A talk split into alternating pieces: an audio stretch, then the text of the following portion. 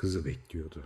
Tozlu bir banliyö yolunda onu beklemeye başlayalı bir buçuk saat olmuştu ve yolun bir kenarında bir dizi büyükçe kara ağaç, diğer yanında da münasip görünümlü birkaç şantiye vardı.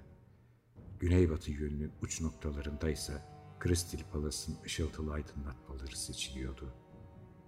Bir kaldırıma ve sokak lambasına sahip olduğundan çok da kırsal bir yola benzemiyordu.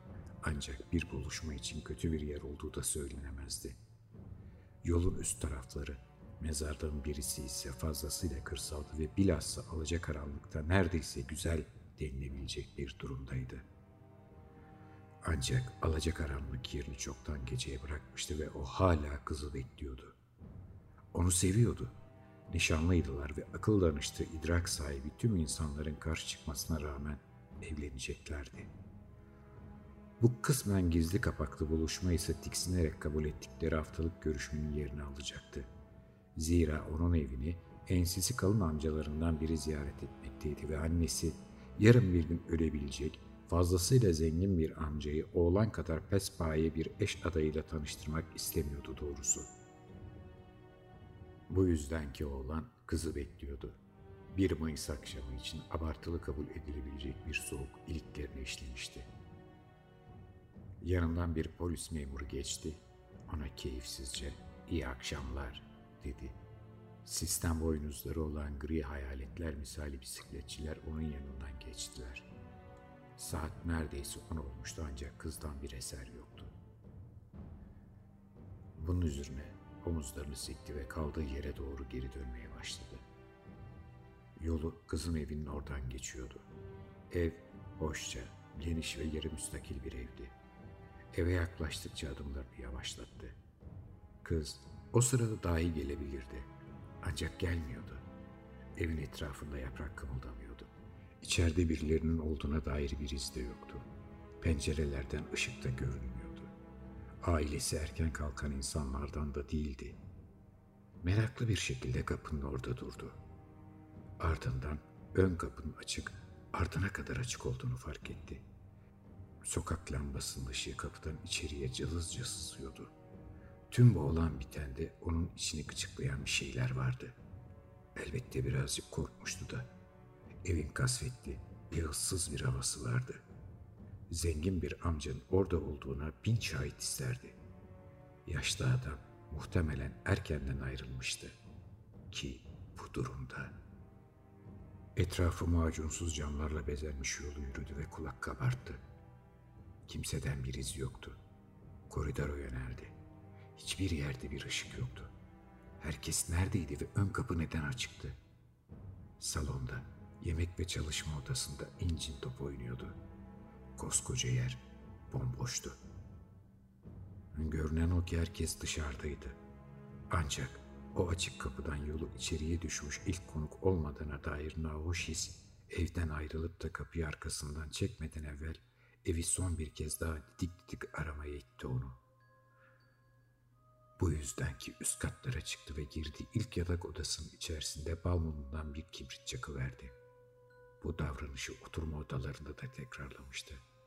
Kibriti çakmasına rağmen yalnız olmadığını hissediyordu ve bir şey görmeye hazırlıklıydı ancak gördüğü şeye karşı yeterince hazırlanması imkan dışındaydı.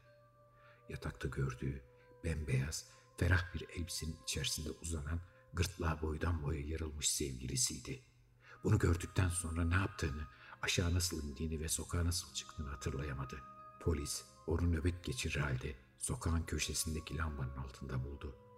Onu olduğu yerden aldıklarında konuşamaz haldeydi ve o geceyi polis merkezindeki hücrelerden birinde geçirdi. Zira polis memurları sayısız sarhoşlarla karşılaşmalarına rağmen nöbet geçiren bir tanesine daha önce hiç denk gelmemişlerdi. Bir sonraki sabah daha iyice oldu ancak hala kağıt gibi bembeyazdı ve tir tir titriyordu. Sulh hakimin anlattığı hikayeyi inandırıcı buldular ve kızın evine onunla birlikte birkaç polis memuru gönderdiler. Tahmin ettiğinin aksine evin etrafında herhangi bir kalabalık yoktu ve panjurlar indirilmemişti.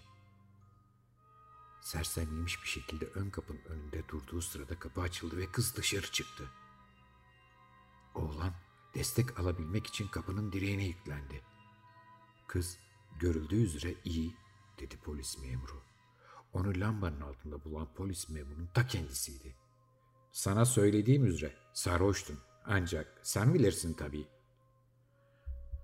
Onunla yalnız olduğu sırada kıza her şey değil de o yarı müstakil eve nasıl geldiğini, ışıkları nasıl kapalı ve kapıları nasıl açık bulduğunu ve merdivenlerle yüz yüze olan o geniş, arka odaya nasıl girdiğini ve orada nasıl bir şey gördüğünü söylemişti ve gördüğü şeyi ima ettiğinde dahi midesi bulanmış, fenalaşmış ve ona sunulan brandiden içmek zorunda kalmıştı. Kız, ama sevgilim, dedi. Ev karanlıktı zira hepimiz amcamla Crystal Palace'a gitmiştik ve şüphesiz ki kapı açıktı zira arkamızda kalan hizmetliler gidecek olsa dışarı çıkacaklardı şüphesiz. Ancak o odaya girmiş olmam mümkün değil zira ben orayı çıkmadan kilitlemiştim ve anahtar da cebimdeydi. Alelacele giyinmiş ve eşyalarımı şurada burada bırakıvermiştim. Adam, biliyorum, dedi. Sandalyenin üzerinde yeşil bir atkı ve bir çift uzunca kahverengi eldiven gördüm. Bunlarla birlikte çokça saç tokası ve kurdele vardı. Ayrıca bir dua kitabı ve dantel bir mendil de şifon yerin üzerindeydi. Şöminin üzerindeki takvim tarihini bile hatırlıyorum. 21 Ekim'di. En azından bu doğru olamaz ya. Zira Mayıs ayındayız. Ancak takvim yine de 21 Ekim'i gösteriyordu. Takvim 21 Ekim'de değil mi? Kız gergin olmasının aksine gülümseyerek ''Hayır, tabii ki de değil.'' dedi. Ancak söylediğin diğer şeylerin tümü doğruydu. Bir rüya ya da bir hayal görmüş olmalısın ya da onun gibi bir şey. Adam fazlasıyla sıradan, alelade bir şehir delikanlısıydı ve hayallere inanan birisi değildi. Ancak sevgilisini ve kızın annesini o yarım müstakil evden alıp da şehir dışındaki uzak bir banyoya yerleştirene kadar ne bir günün ne de bir gecenin huzuruna kavuşabildi. Bu süre zarfında şans bu ya, kız da evlendi ve kızın annesi onlarla yaşamaya devam etti. Sinirleri iyiden iyi sarsılmış olacak ki bir süre fazlasıyla tuhaf davrandı ve o güzel yarı müstakil evi satın alan olup olmadığını uzunca bir süre inceledi.